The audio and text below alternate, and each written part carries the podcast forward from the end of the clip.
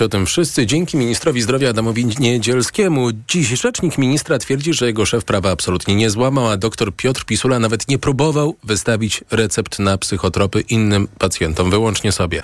Za lekarzem murem stoi Naczelna Rada Lekarska, która nie wyobraża sobie dalszej współpracy z ministrem Adamem Niedzielskim. Jej prezes Łukasz Jankowski był gościem programu Połączenie.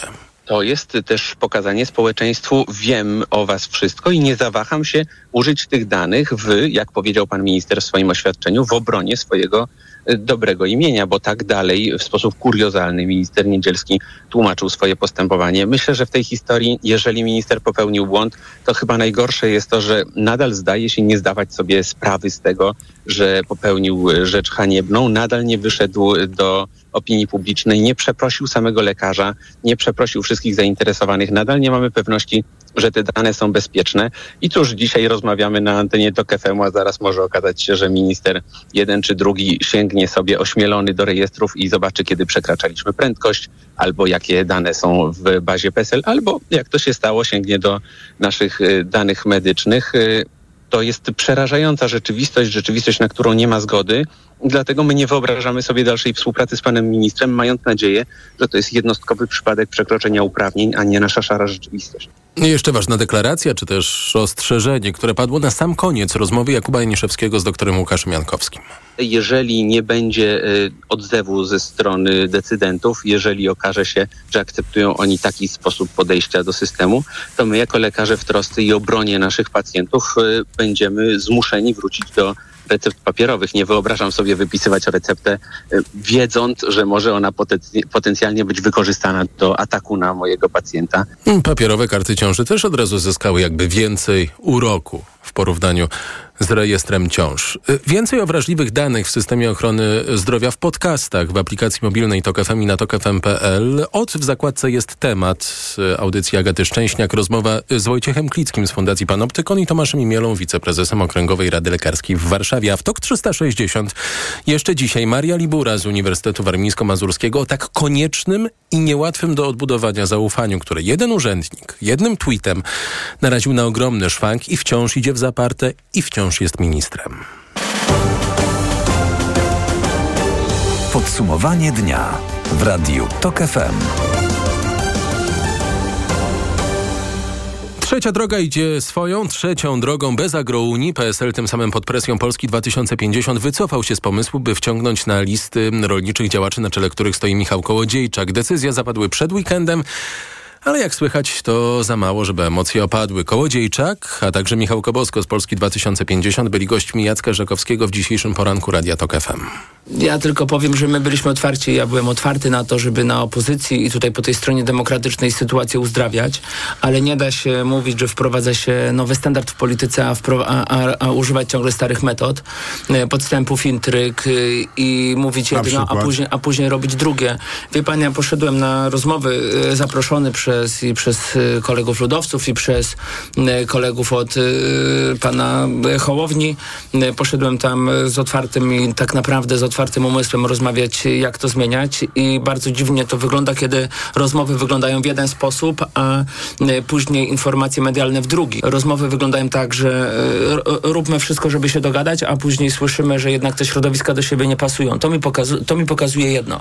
To jest stare podejście Prawa i Sprawiedliwości do mieszkańców z małych miejscowości i z prowincji. Ja bez żadnego oporu zgodziłem się na to, żeby porozmawiać z panem przewodniczącym Kołodziejczakiem. Zresztą przed chwilą tutaj wymienialiśmy no, się w studiu. Ogień, pan, redaktor, pan redaktor był świadkiem. Podaliśmy sobie ręce. Michały, no. podaliśmy sobie ręce ze strony pana przewodniczącego. Jakiejś wielkiej sympatii w moją stronę nie było i były jakieś duże nerwy i napięcie. No, rozumiem to. Rozumiem to, jest rozczarowany, miał inny plan polityczny, ale jak słyszę, będzie realizował swój własny plan. Pójdzie do będzie się starał wystartować w tych wyborach razem z samorządowcami. I okej, okay, to, jest jego, to jest jego święte prawo. My się nie porozumieliśmy, bo nie mogliśmy się porozumieć w tym stanie rzeczy, jaki jest. Trzecia droga to był projekt, był i jest projekt i będzie projekt Polski 2050 Szymona Hołowni i Polskiego Stronnictwa Ludowego. I jako taki ten projekt powstał już kilka tygodni temu, a teraz po pewnym zgrzycie publicznym, który przykuwał uwagę tych, którzy się polityką zajmują w ciągu ostatnich dwóch tygodni. Osiągnęliśmy w sobotę porozumienie i o tym poinformowaliśmy. Nie było przestrzeni do tego, żeby i nie ma przestrzeni, żeby kolejne partie czy całe środowiska polityczne dołączały do tego porozumienia. To nie jest ten czas na pięć minut, dosłownie już na pięć minut przed startem kampanii wyborczej, by dołączały kolejne środowiska. PSL na Grołnie też się już nie ogląda, jakby w ogóle nie było tematu. Urszula Pasławska z PSL-u była gościnią Mikołaja Lizuta w programie A Teraz na Poważnie. Mam nadzieję, że w niedługim czasie będziemy e, ogłaszali nasze jedynki i, i, i listy e, osób, które będą kandydowały do Sejmu. To jest oczywiście uzależnione od kalendarza wyborczego, tego, kiedy pan e, prezydent ogłosi wybory. No właśnie, bo jesteśmy na 5 minut, jak to powiedział Michał Kobosko przed startem, ja bym dodał formalnej kampanii wyborczej. Tylko tych 5 minut jakoś nam się e, dłuża. Nieformalna kampania trwa w najlepsze, gdy PiS za publiczne pieniądze choćby organizuje pikniki 800. Mówiło się, że może dziś prezydent poda datę wyborów. Nie podał. Za to uroczyście podpisał ustawę o 800. Dziękuję panu premierowi, dziękuję pani minister, dziękuję posłom, senatorom za to, że mogłem podpisać tą ustawę. Że jest. Że proszę państwa, mogę w tej chwili już po złożeniu tego podpisu z całą odpowiedzialnością powiedzieć. Od 1 stycznia 2024 roku świadczenie tak zwane 500 plus staje się świadczeniem 800 plus. Andrzej Duda podpisał też dziś inne ciekawe rzeczy. Obiecuję, że jeszcze do tego wrócę. Jeśli natomiast chodzi o wybory, prezydent mówi tak. Zgodnie z konstytucją wybory muszą być ogłoszone do 14 sierpnia i będą ogłoszone, zapewniam. No co za ulga. Możliwe są cztery terminy: 15 października, 22 października, 29 października, 5 listopada. Również 15 października wydaje się najbardziej prawdopodobny przeddzień tej formalnej na finiszu pre-kampanii e, wyborczej język jest brutalny i radykalny. Tak brutalny, że dożynanie watachy to już nie tylko klasyka, ale niemal elegancja. Próbka z ostatnich tygodni to słowa Jarosława Kaczyńskiego o Donaldzie Tusku jako wrogu narodu, przedstawienie uchodźców jako tych, którzy atakują i gwałcą, czy mówienie o jakiejś grupie społecznej, że trzeba ją wyeliminować. To już Ruandą trochę e, zalatuje. Nienawiść zaczyna się od języka, mówi w rozmowie z TOK FM dr Margareto Hijanowak, językoznawczyni, redaktorka naczelna Słownika Empatycznego. Warto zawsze sobie przypomnieć e, takie stwierdzenie, że język ma moc. Słowa mają potężną moc i siłę. One mają jakąś funkcję. No i w języku kampanii politycznej, czy w ogóle debaty politycznej, debaty publicznej, ta funkcja jest no, perswazyjna. Ona ma kształtować jakieś postawy, nastawienia e, społeczne. E, no i ma też promować jakąś wizję świata, kreować jakiś wizerunek tej osoby, która te słowa też wypowiada. To są skandaliczne wypowiedzi. To, to są wypowiedzi, które e, właściwie można by było zaklasyfikować jako nienawistne, e, jako takie, które nawołują do nienawiści. No, i, I, też y, gdzieś tam podchodzą pod kategorię e, mowy nienawiści. Czy tak było zawsze? Na pewno ten język taki polaryzujący, bardzo stygmatyzujący, czy y, właśnie wpływający na, na społeczeństwo, on się nasila w debacie publicznej w takich sytuacjach, no właśnie jak e, kampania wyborcza, czy w momencie, kiedy no właśnie ktoś chce przekazać jakąś silną wiadomość do społeczeństwa, kiedy zastraszane jest społeczeństwo, kiedy mówi się o e, inwazji e, migrantów, przypływie i zalewie uchodźców, czy zara- uchodźców e, jako, jako zarazie, czy ideologii LGBT. No bo ja sobie tak myślę, że jak młodzi ludzie słyszą w telewizji na przykład takie wypowiedzi, wróg naszego narodu, tak, albo trzeba kogoś wyeliminować, to to wchodzi też małymi krokami, ale jednak do języka, którym wszyscy się posługujemy. Na pewno mamy w ogóle do czynienia z taką e, radykalizacją języka, nie tylko języka, radykalizacją poglądów, Życia takim bardzo, tak, bardzo ostrym i też spolaryzowanym, takim bardzo wy, wyostrzonym właściwie jakimś przekazem albo w ogóle wizją, jaką ludzie chcą e, przekazywać innym, wizją świata. No i to jest bardzo widoczne w mediach społecznościowych, no bo to jest ta przestrzeń, gdzie e, ludzie się przede wszystkim niestety komunikują i tam przekazują te poglądy. Tam jest najwięcej przy, przyzwolenia właśnie na takie radykalne i bardzo silnie nacechowane wypowiedzi. No ludzie chcą też tego słuchać. No i to się rozprzestrzenia, no tak jak epidemia, czy, czy no, tak jak taka kula śniegowa. To zawsze to zaczyna się od przemocy werbalnej. To niesamowite jest. E, to, te nastawienia takie wrogie są pielęgnowane chociażby wypowiedź e, pana przydacza z, z, sprzed kilku dni o tym, że Ukraińcy powinni być wdzięczni Polsce za to, że im pomagamy. No jaka, jaka arogancja. To, z drugiej strony mnie to nie zaskakuje w kontekście no właśnie wyborów, w kontekście właśnie oblicza walki politycznej, różnych obozów politycznych. Walki światopoglądowej. I, i, i tak. Doktor Margaret Janowak w rozmowie z Anną Gmiterek-Zabłocką. Cała rozmowa w podcastach na tok.fm.pl łamany na problem. Tok 360 Prezydent już nie tak uroczyście jak 800 plus podpisał też między innymi, bo ustaw jest kilka, ale między innymi nowe zapisy kodeksu cywilnego zwane Lex Raczkowski, bo PiS ukryło w, tych, w tym kodeksie cywilnym wrzutkę, że sędziowie sądów wojskowych, którzy zostali zwolnieni ze służby wojskowej mają przechodzić w stan spoczynku. A tak się składa, że w Polsce dotychczas był tylko jeden taki sędzia, sędzia Piotr Raczkowski, który przed tygodniem był gościem TOK 360. Po pięciu latach najpierw pan prezydent w końcu odmówił uchwałę Krajowej Rady Sądownictwa przeniesienie mnie do sądownictwa powszechnego. Później przez 10 miesięcy Ministerstwo Sprawiedliwości blokowało mój powrót na salę. Kiedy już wróciłem, okazało się, że po sześciu latach z powrotem zostanie przerwane moje orzekanie. To, co lubię, to, co kocham. Właśnie zostaje przerwany sędzia Raczkowski. To były wiceszef legalnej Krajowej Rady Sądownictwa, który krytykował prowadzone przez ministra Zbigniewa Ziobrę zmiany w sądach i bronił praworządności. Krytykują Ministerstwo Zdrowia, NFZ i chcą zmian w diagnostyce boreliozy. Jednocześnie nie zgadzają się na konsekwencje wobec lekarzy, którzy oferują kosztowne, długotrwałe i nie mające pokrycia w poważnych badaniach terapie antybiotykowe. Grupa kilkunastu protestujących pojawiła się przed budynkiem Naczelnej Izby Lekarskiej, potem przed Ministerstwem Zdrowia. Powodem zgromadzenia był serial autorstwa dziennikarza TOK Michała Janczury, serial Podziemie. Opowiada o lekarzach stosujących metodę AILAC. To długa antybiotykoterapia połączona z zażywaniem zażywaniem suplementów diety. Byłam diagnozowana 7 lat.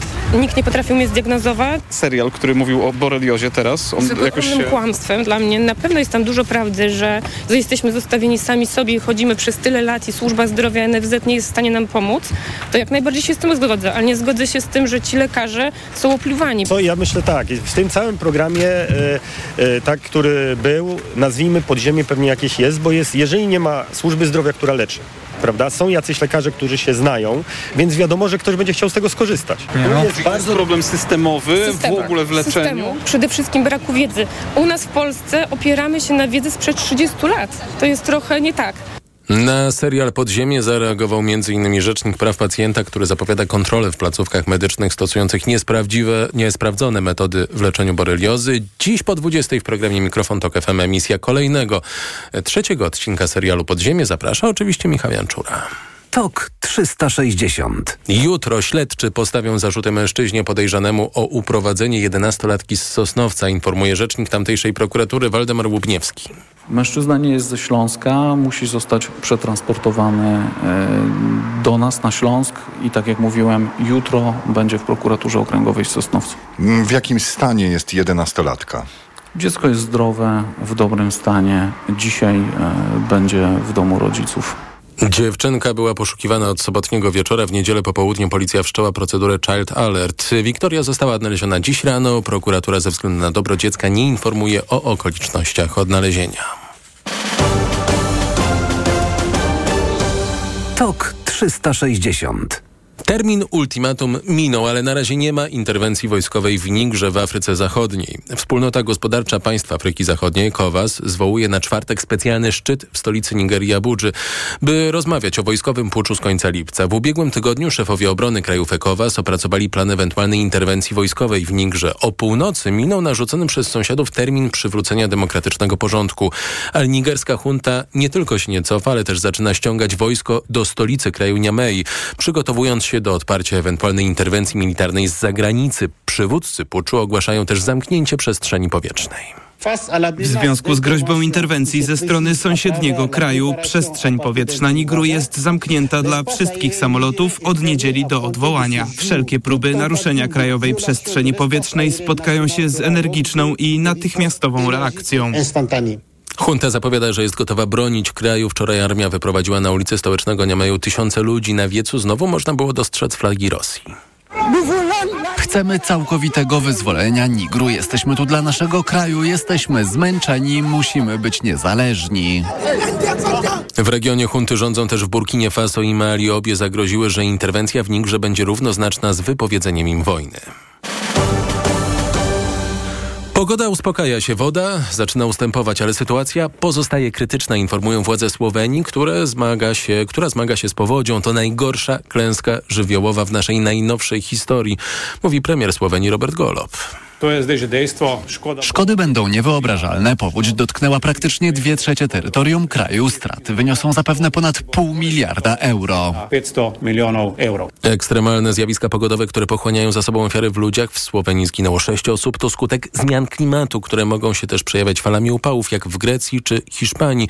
A do sytuacji w Słowenii wrócę dziś w TOK 360 w rozmowie z Łukaszem Kobeszką z Ośrodka Studiów Wschodnich. TOK 360. Za nami ulewny weekend także w wielu rejonach Polski. W Małopolsce z powodu intensywnych opadów deszczu strażacy interweniować musieli ponad 400 razy. W wielu miejscowościach ze względu na burzę nie było prądu. Z ponad 10 stanów ostrzegawczych na małopolskich rzekach pozostały już tylko cztery, ale jak zapewnia Radosław Radoń, dyrektor Regionalnego Zarządu Gospodarki Wodnej w Krakowie, żadne potopienia wojewód podtopienia województwu nie grożą. W chwili obecnej notujemy spadki stanów wód na wszystkich dopływach Wisły. W niewielkim stopniu woda podniesie się zapewne w korycie samej Wisły, gdy spłyną do niej wody z mniejszych dopływów. Gdy te wszystkie wody, które przez y, dwa dni zasilały potoki, szczególnie te górskie dopływy Wisły, dopłyną do samego koryta, ale nie będą to wzrosty zagrażające bezpieczeństwu Zgodnie z prognozami w najbliższych dniach w Małopolsce będzie jeszcze padać, ale raczej e, przelotnie. To Małopolska. Wichura uprzykrza natomiast życie mieszkańcom północnej Polski. Rano alert Rządowego Centrum Bezpieczeństwa dostali posiadacze telefonów komórkowych w województwach pomorskim i zachodniopomorskim. Wiatr może łamać gałęzie, porywać niezabezpieczone przedmioty. Jak się przygotować? O tym już Paweł Radzewicz, trójmiejski reporter TOK FM. Alert RCB ostrzegający przed silnym wiatrem otrzymały osoby mieszkające lub przebywające na całym wybrzeżu. Wichurę, którą w Trójmieście czujemy już bardzo wyraźnie.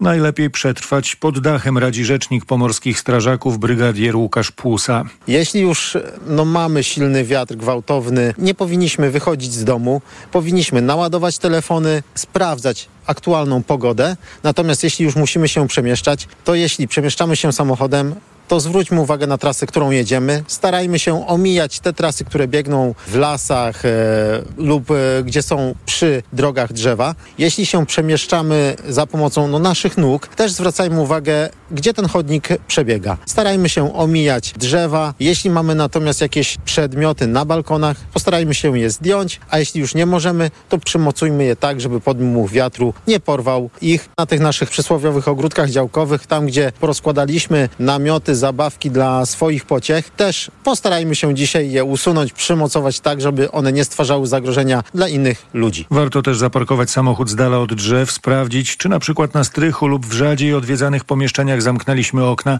Trzeba też pamiętać o zwierzętach, zwłaszcza jeśli przebywają lub samodzielnie mogą wychodzić na zewnątrz. Jeśli akurat jesteśmy na biwaku, należy chyba poszukać nieco solidniejszego pomieszczenia niż namiot. Obozy harcerskie czy kempingi cały czas są monitorowane. Ten wypoczynek musi być zgłoszony do Straży Pożarnej. My na takich obozowiskach z jednej strony prowadziliśmy lekcje, gdzie uczyliśmy zasad bezpieczeństwa, sprawdzaliśmy też z drugiej strony sprzęt PEPOSZ, który powinien być na tych obozowiskach, no a na organizatorze spoczywa taki mały obowiązek, że też alerty są im przekazywane. I to od właśnie tego organizatora zależy, czy on będzie się ewakuował, czy też nie. Ale w większości przypadków, proszę mi wierzyć, na terenie województwa pomorskiego wszystkie takie obozowiska, gdzie występują alerty, wszyscy poważnie do tego podchodzą, obóz jest ewakuowany i udaje się w miejsce zastępcze, czyli do na przykład budynku, szkoły, czy też jakiegoś przedszkola. Ponadto my jako Państwowa Straż Pożarna też użyczyliśmy im swoich radiostacji, także mamy z nimi łączność 24 24 godziny na dobę. Wiatr w najbliższym czasie ma jeszcze przybierać na sile. Porywy mogą osiągać prędkość ponad 100 km na godzinę. Najgroźniej może być dziś wieczorem. Strój miasta Paweł Radzewicz, TOK FM. Podsumowanie dnia w radiu TOK FM. Czas na prognozę pogody. Pogoda. To ostrzeżenie przed silnym wiatrem na wybrzeżu i w województwach pomorskim, zachodnio-pomorskim, w głębi tych województw wspominał przed chwilą Paweł e, Radzewicz. Oprócz tego ostrzeżenie przed burzami z gradem obowiązuje na południu kraju od okolic Bielska Białej aż po Bieszczady. To ostrzeżenie obowiązuje do godziny 21, a jutro Deszczowo praktycznie w całej Polsce, ale też nie powinno brakować e, słońca. Na termometrach od 18 stopni na Suwalszczyźnie przez 19-20 w centrum do 21 na Dolnym Śląsku. Radio TOK FM. Pierwsze radio informacyjne. TOK 360. Już za chwilę w TOK 360 połączę się z Marią Liburą z Uniwersytetu Warmińsko-Mazurskiego i Polskiej Sieci Ekonomii. O zaufaniu będziemy rozmawiać, o zaufaniu do systemu cyfryzacji i całego systemu ochrony zdrowia. Reklama. Wiadomość z ostatniej chwili. W salonach Toyoty ruszyła właśnie sezonowa wyprzedaż. Nowe auta dostaniesz na niej w niesamowitej ofercie. Na przykład stylową, kompaktową i zwinną, po prostu idealną do miasta Toyota Aygo Cross możesz mieć z korzyścią do 4000 zł. A do tego, uwaga, niemalże od ręki. Nie czekaj, tego po prostu nie można przegapić.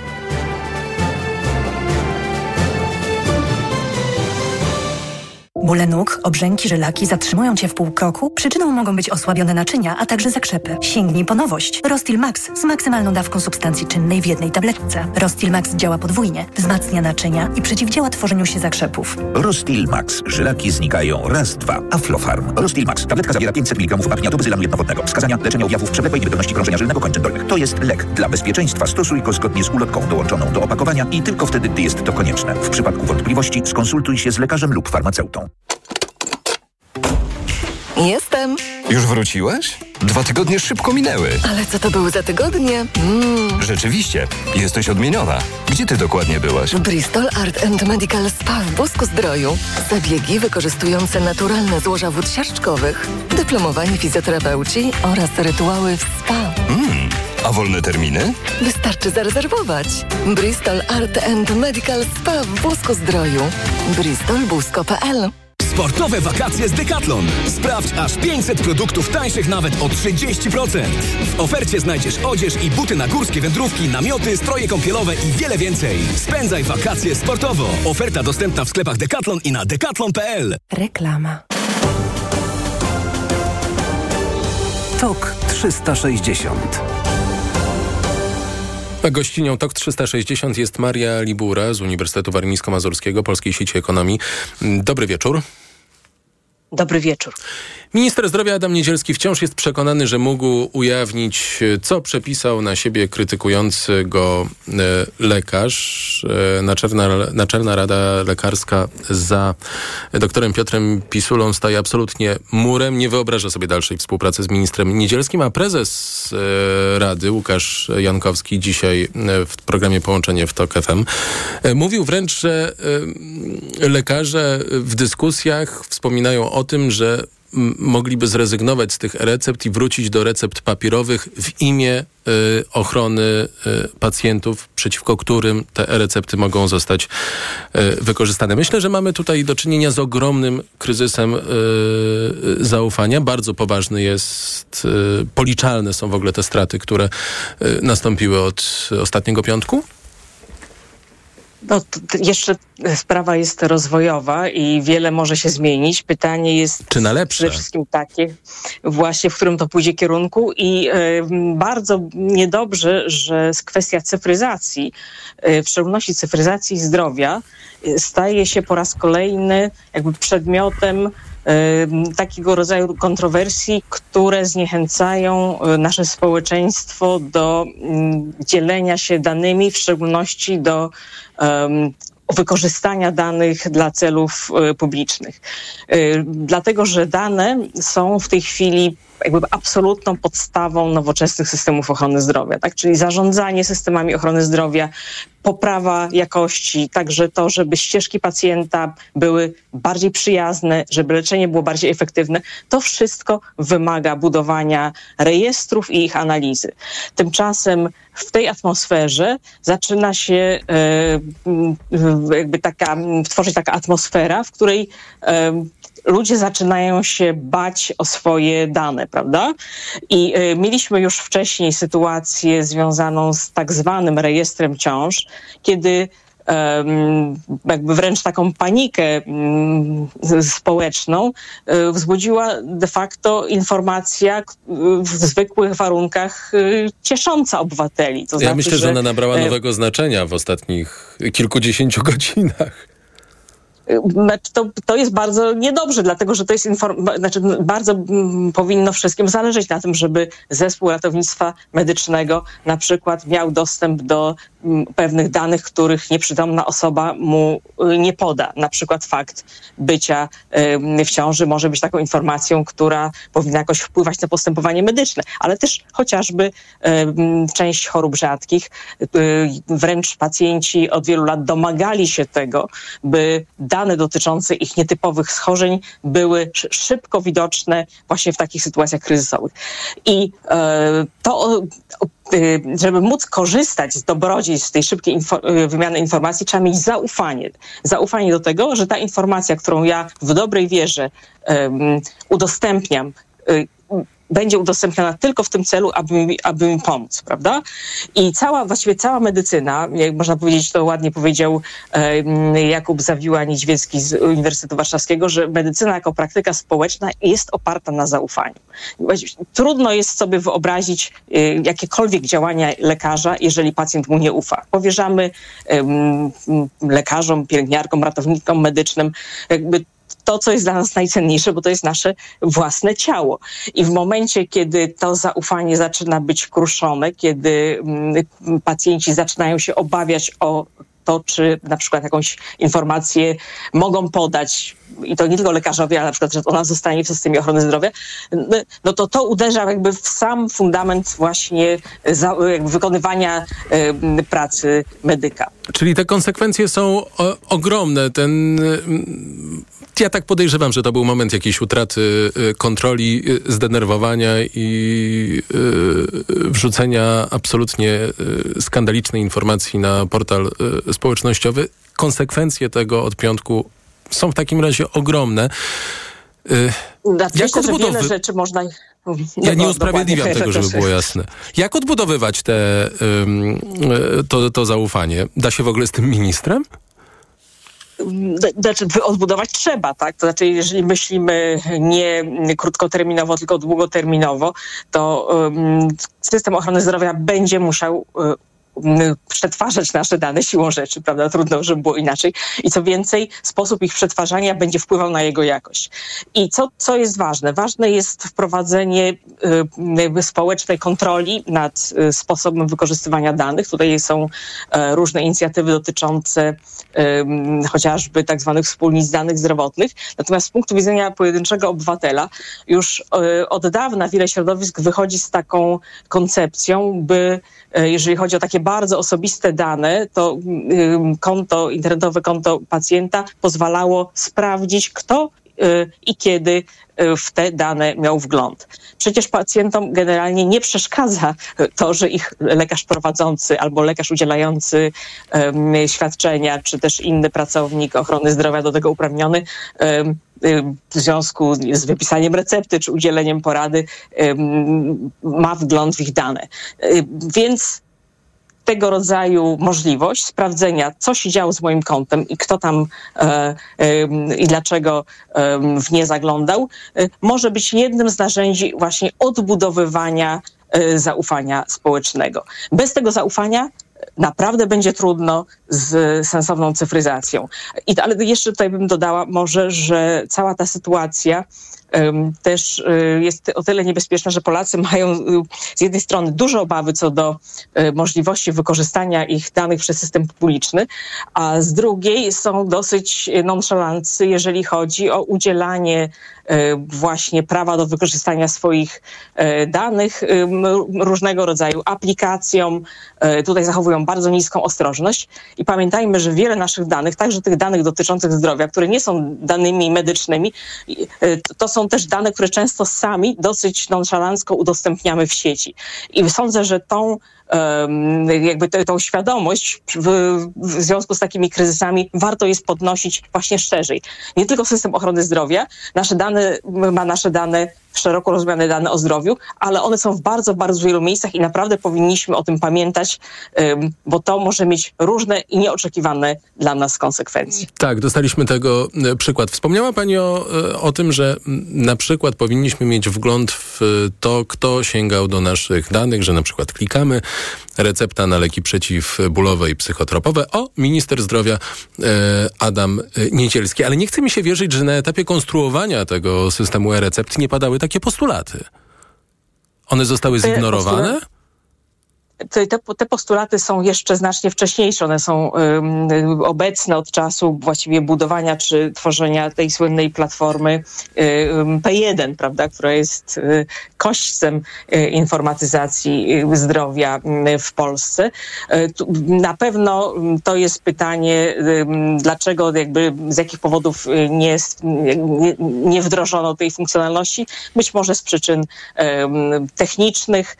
Natomiast widać, widać bardzo wyraźnie, że wraz z tymi wieloma użytkami, jakie będą um, czynione z danych, to tego rodzaju um, instrumenty, które służą właśnie wzmocnieniu zaufania będą konieczne, że to nie jest jakaś fanaberia, że to nie jest tak, że e, e, większość ludzi tego nie będzie sprawa, sprawdzać, więc tego nie róbmy. Róbmy to dla tych, którzy chcą to sprawdzać, e, prawda? Większość oczywiście tej funkcjonalności pewno nie, nie użyje, dlatego, że to jest element budowania pewnej kultury związanej z cyfryzacją. Dzisiaj każdy lekarz ma dostęp do każdej recepty, jaką y, się nam przepisuje, czy jest to jednak inaczej? No, znaczy jakby to bardzo wyraźnie było to widać, że nie jest to takie proste w związku z chociażby całą tą szerszą e, aferą e, wokół receptomatów. E, I jednym z postulatów było Ministerstwa Zdrowia było to, żeby pacjent musiał udzielić zgody właśnie poprzez internetowe konto pacjenta, zanim lekarz inny niż lekarz prowadzący mu określone e, substancje czynne czy leki zawierające określone substancje e, wypisze. Tutaj też widać, jak bardzo ważne jest w ogóle szersze rozwijanie mm, elektronicznej historii pacjenta, możliwości dzielenia się tymi danymi e, pomiędzy mm, placówkami.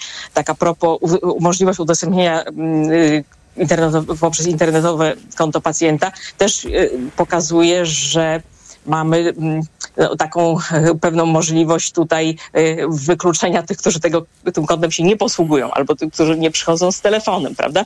Więc e, cyfryzacja jest po prostu narzędziem, które z jednej strony ułatwia życie tym, którzy się, są, są po prostu sprawni, którzy są cyfrowymi tubylcami. I jednocześnie przez to, że ułatwia, to generuje zupełnie nowe problemy, takie chociażby jak problem receptomatów um, nadużywających jakby tej formy pomocy zdalnej, opieki zdalnej, porad zdalnych do zupełnie e, innych celów. I, i e, tym bardziej potrzebna jest inna atmosfera, bo tutaj będą nieustająco zdarzały się jakieś błędy. Tak? Znaczy tutaj wchodzimy na zupełnie nowe terytorium. Tak? Od odkrywamy nowy sposób y, świadczenia opieki medycznej. I Nie przysłużył tym, się pan minister sprawie. Musimy kończyć. Tak, ale to jest bardzo, bardzo ważne, że tych błędów będzie dużo i jeżeli to będzie robione, znaczy jeżeli się nie, nie będzie tego to y, robione w porozumieniu pomiędzy środowiskami, no to, że tak powiem, będzie to y, wiele medialnych y, wydarzeń i pożywek dla twórców memów, ale nie o to nam chodzi. Są błędy i głupie błędy też. Maria Libura z Uniwersytet, Uniwersytetu Warmińsko-Mazurskiego i Polskiej Sieci Ekonomii. Bardzo dziękuję. Już za chwilę w TOK 360 Agnieszka Filipiak ze Stowarzyszenia FEM Global. 15 lat po ataku Rosji na Gruzję. Reklama. W Aldi promocje już od jednej sztuki. Do soboty Coca-Cola Zero, Fanta lub Sprite. Najniższa cena z 30 dni przed obniżką 9,99. Teraz tylko 7,98 za 2 litry. Raz Aldi. Zawsze coś z Aldi. Dla zachowania komfortu podróży kup dzieciom Lokomotiv. Lokomotiv to sprawdzone i bezpieczne rozwiązanie na podróż z dobrym samopoczuciem. Z Lokomotivem bezproblemowo dotarłeś do celu. Suplement diety Lokomotiv. Niezastąpiony w czasie podróży. Wyciąg z łącza Imiru pomaga utrzymać komfort lokomocyjny Aflofarm. To był świetny wypad w góry. Do czasu, aż Kry się złapał ból pleców, pamiętacie? Niby coś brałam, ale nie pomogło. Bo stosowałaś nie to, co trzeba. Fakt. Pomógł mi dopiero Opokan Med. Bo Opokan Med to specjalistyczne rozwiązanie. Właśnie na bóle mięśniowo-stawowe i reumatyczne. Opokan Med przynosi ulgę na długo. Opokan Med. Bez bólu przez cały dzień. Bez bólu przez całą noc. To jest wyrób medyczny. Używaj go zgodnie z instrukcją używania lub etykietą. Rozgrzewanie i łagodzenie dolegliwości krzyżowo-lędźwiowych, reumatycznych, mięśniowych, stawowych i nerwobuli. Aflofarm. Łączy nas krew, która ratuje życie. Bo dla mnie to chwila.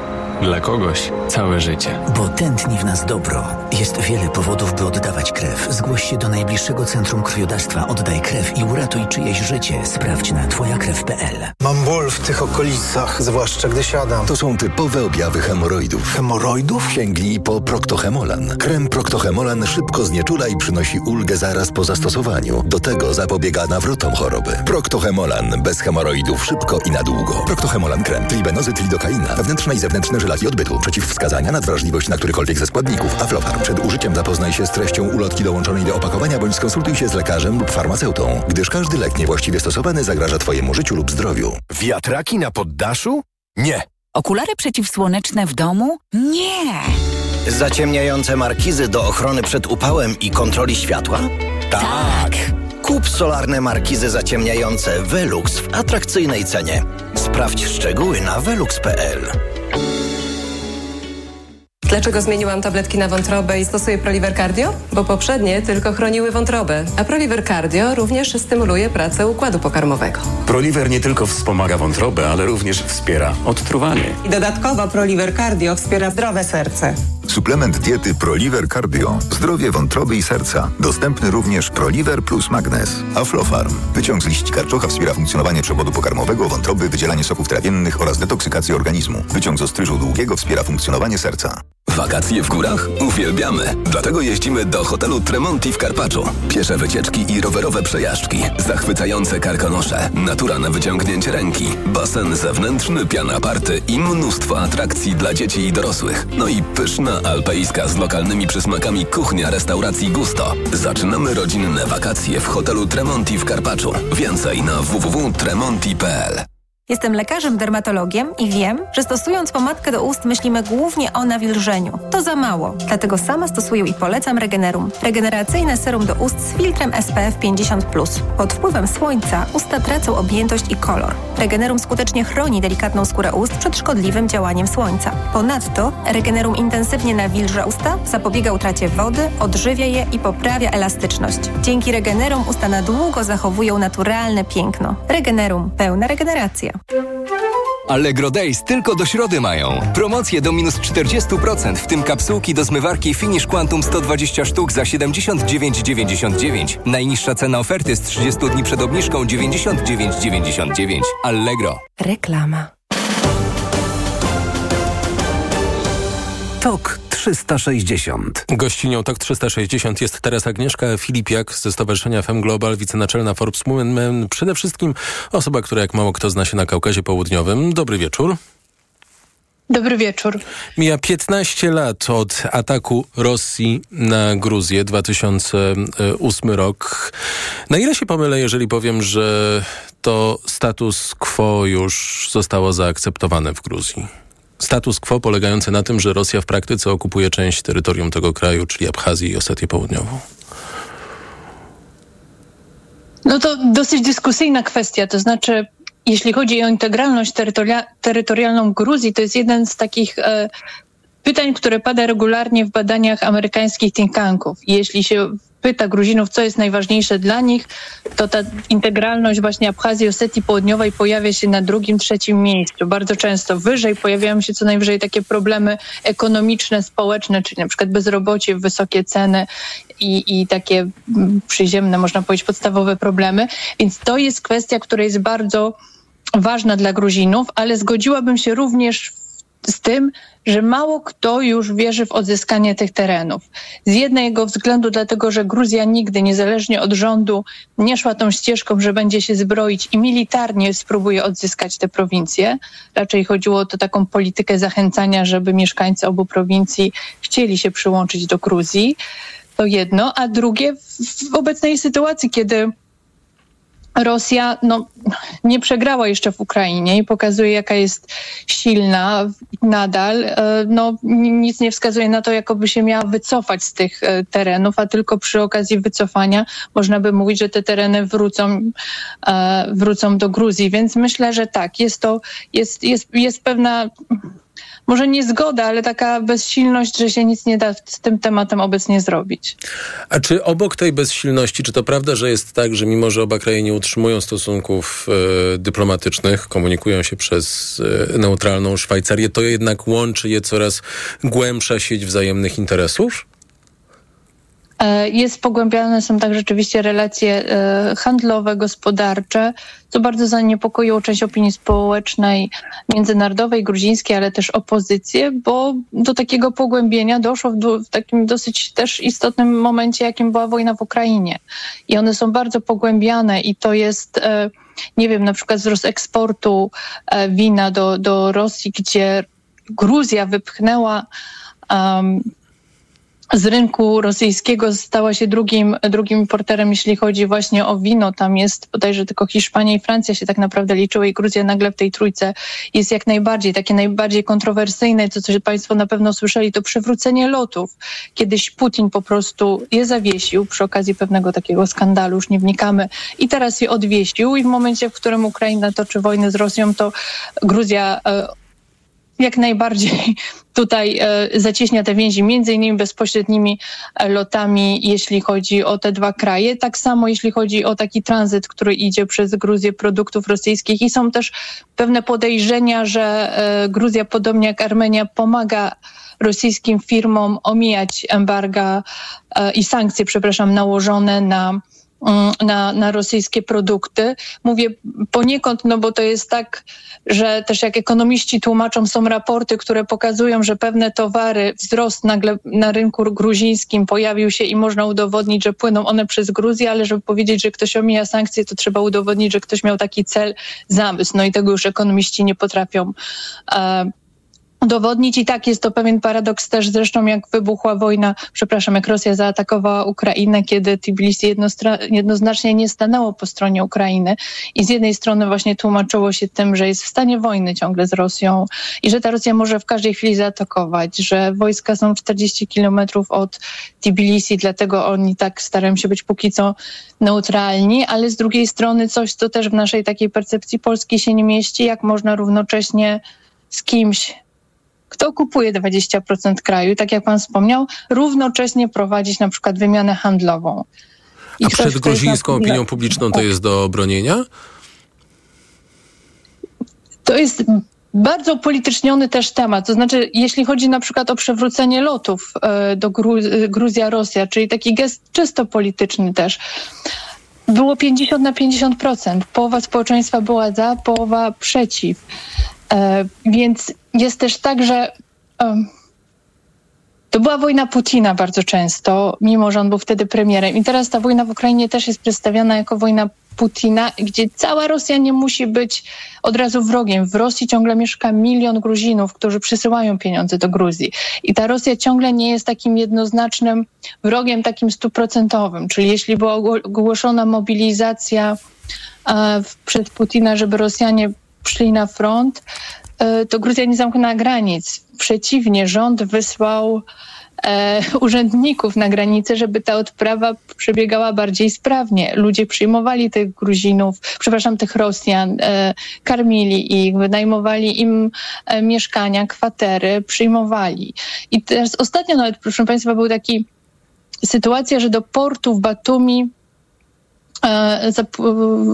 przypłynął rosyjski e, statek turystyczny i konflikt z Gruzinami rozpoczął się do, dopiero wtedy, kiedy ci Rosjanie zaczęli otwarcie mówić o Abchazji i Osetii. E, do, doszło do takiej e, dyskusji gorącej i wtedy dopiero były protesty, że ten statek powinien opuścić Batumi. Dopóki ci Rosjanie nie weszli na taki kontrowersyjny ton wypowiadania się na temat dwóch e, prowincji zagarniętych w 2008 roku, Rosjanie nie, stawi, nie stanowili problemu. Nam jest czasami bardzo trudno to zrozumieć, jak właśnie może być ciągle 15 lat po wojnie, ciągle te tereny, które są zajęte, ale też to jest cały obszar przy granicy tej, no to, to nie jest no, granica państwa, czyli przy tej granicy prowincji, gdzie Rosjanie stawiają płoty, e, przesuwają tę granicę, gdzie ci mi mieszkańcy tych regionów no, przygranicznych w cudzysłowie, no, klepią biedę od 15 lat, bo są oddzieleni od swoich rodzin, od swoich pól.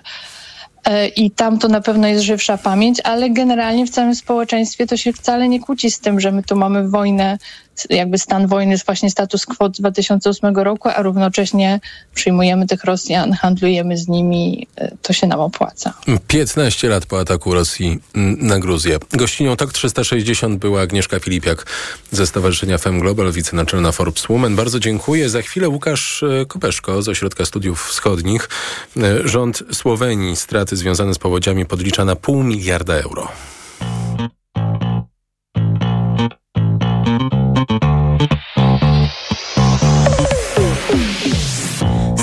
Spojrzenia w głąb i przyspiesza puls.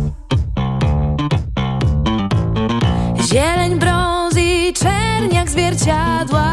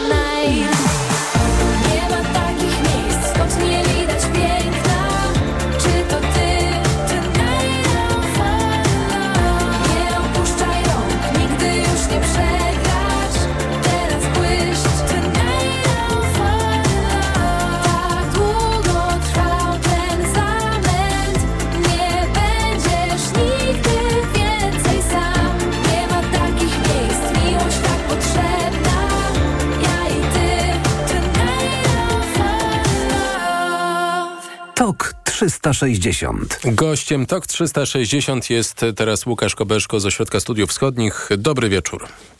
Dobry wieczór panie redaktorze, dobry wieczór państwu. Straty spowodowane przez powodzie w Słowenii przekroczą pół miliarda euro. To są szacunki słoweńskiego e, rządu. W wyniku powodzi i burz zginęło sześć osób. Czy my możemy z całą pewnością już powiedzieć, że Woda jest w odwrocie i teraz pozostaje liczenie tragicznych strat oraz ten tragiczny bilans właśnie?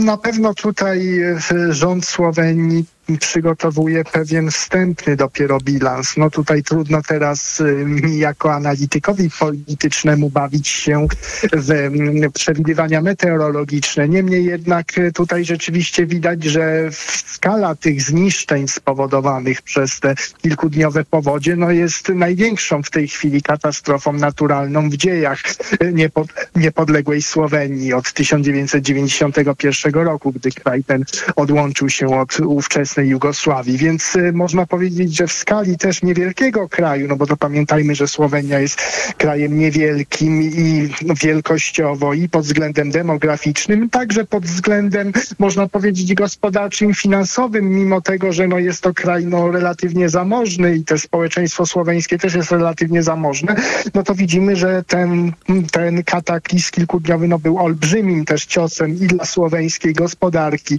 i dla słoweńskiego państwa jako takiego, no bo też pokazało no trochę, Słowenia zawsze uchodziła za pewną taką, można powiedzieć, z tych krajów byłej Jugosławii, no za kraj taki najlepiej też rozwinięty, najlepiej zorganizowany, no bliski już pewnej takiej kulturze życia zbiorowego austriackiej, niemieckiej, europej, środkowoeuropejskiej, a tutaj widzimy, że jednak te zabezpieczenia przeciwpowodziowe no były, no nie były jednak najlepszej jakości. Tutaj ten żywioł okazał się szczególnie w tych kilku takich prowincjach północnych, czyli w Górnej Krainie, w słoweńskiej Karyntii, na w Przymorzu słoweńskim, no okazał się bardzo silny i tutaj właśnie mm, zabezpieczenie tutaj w słoweńskich rzek, głównie mury i drawy, też po części, głównie mury i drawy, no jednak pokazało, że no jednak jest jakieś tam niewystarczające. No i tutaj Czy wobec mamy tego jest to wyzwanie polityczne, ale też ym, kłopot dla słoweńskiego rządu?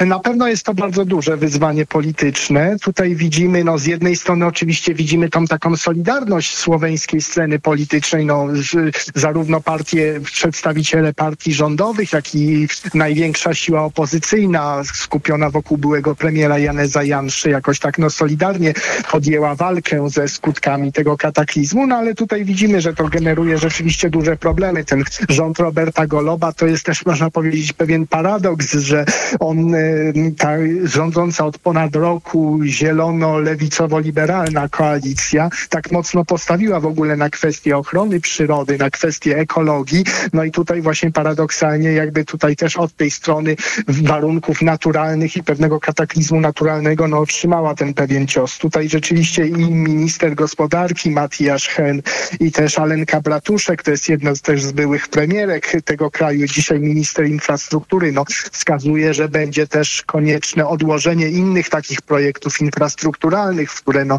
rząd Słowenii i ten rząd Goloba, ale też poprzednie rządy Janeza Janszy i innych premierów mocno inwestowały, to znaczy w kwestię tego connectivity, tych połączeń, prawda, szczególnie między właśnie południem Europy, tym regionem śródziemnomorskim, a północą, no, rozwój między innymi połączeń właśnie kolejowych, rozwój też portu w Koprze, jako jednego tam, jednego z nielicznych portów adriatyckich, do którego Słowenia ma dostęp. To wszystko będzie musiało być odłożone i po prostu te środki będą musiały według rządu no, być przekierowane na te bardzo duże, odrobienie tych dużych strat, które spowodował ten kataklizm. A czy w tej dyskusji pojawia się taki wątek... Słuchajcie, mamy y, katastrofę klimatyczną, lepiej y, nie będzie. Musimy te pieniądze właśnie przekierować, być może z pewnych połączeń transportowych, tak jak pan mówi, w dostosowanie infrastruktury do obecnych wyzwań związanych z klimatem. Czy ten wątek klimatyczny, skoro y, koalicja jest zielona, jest w tej dyskusji wystarczająco wyraźny? Tak, jest, jest, jest dość wyraźny ten wątek klimatyczny. Tutaj też można powiedzieć, że prezydentka tego kraju, Natasza Pirks-Musar, która jest no, prezydentką od ubiegłego roku, od końca ubiegłego, ubiegłego roku, więc stosunkowo jeszcze krótki czas, e, kilka dni temu sygnowała taki list otwarty prezydentów, przywódców państw regionu śródziemnomorskiego. To też podpisali innymi prezydenci Włoch, Chorwacji, Grecji, Portugalii Malty.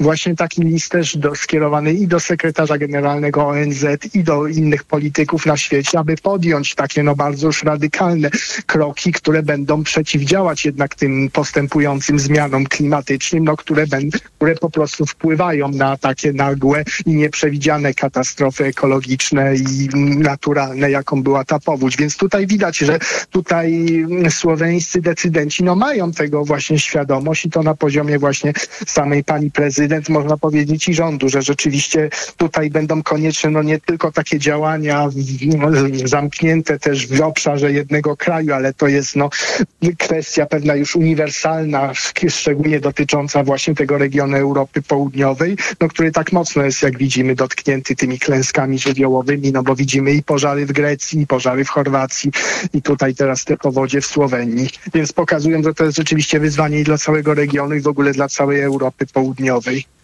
Bardzo dziękuję. Łukasz Kobeszko z Ośrodka Studiów Wschodnich był gościem TOK 360. To wszystko, co przygotowaliśmy dziś w podsumowaniu dnia dla Państwa wspólnie z Martyną Osiecką i Sebastianem Zakrzewskim. Program realizował Adam Szuraj. Już za chwilę y, Szymon Kępka i jeszcze więcej y, sportu. Jego gościnią będzie Agnieszka Baron-Twarkowska, spikerka Czarnych Sucha Góra y, z Bytomia. Y, wcześniej informacje Radia Tok FM, na które zaprasza Piotr Jaśkowiak. Adam Mózga, bardzo mm, Państwu dziękuję za ostatnią godzinę i do usłyszenia za 23 godziny, punktualnie o 18 w TOK 360.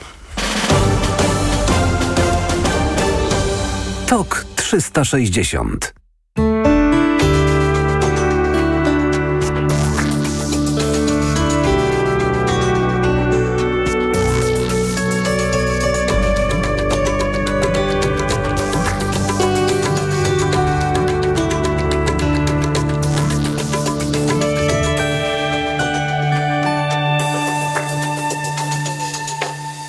Reklama. Cześć! Teraz nie mogę rozmawiać, bo smacznie śpię. Wieczorem biorę suplement diety Valerin Sen. Tabletki ułatwiają mi zasypianie i wspomagają spokojny sen bez wybudzeń przez całą noc. Wyciąg z ziela melisy wspomaga odprężenie. Wyciąg z szyszek chmielu wspiera utrzymanie zdrowego snu. Valerin Sen. Zdrowa dawka snu. Aflofarm. W tym tygodniu w Lidlu kierunek Azja. Mleczko kokosowe. Najniższa cena z 30 dni 4,99. A teraz drugi produkt aż 40% taniej. Tylko 3,99 za opakowanie przy zakupie dwóch. A sosy w stylu azjatyckim już od 3,99. Patrz, Barbara, ale w Media Expert jest mega. No. A, a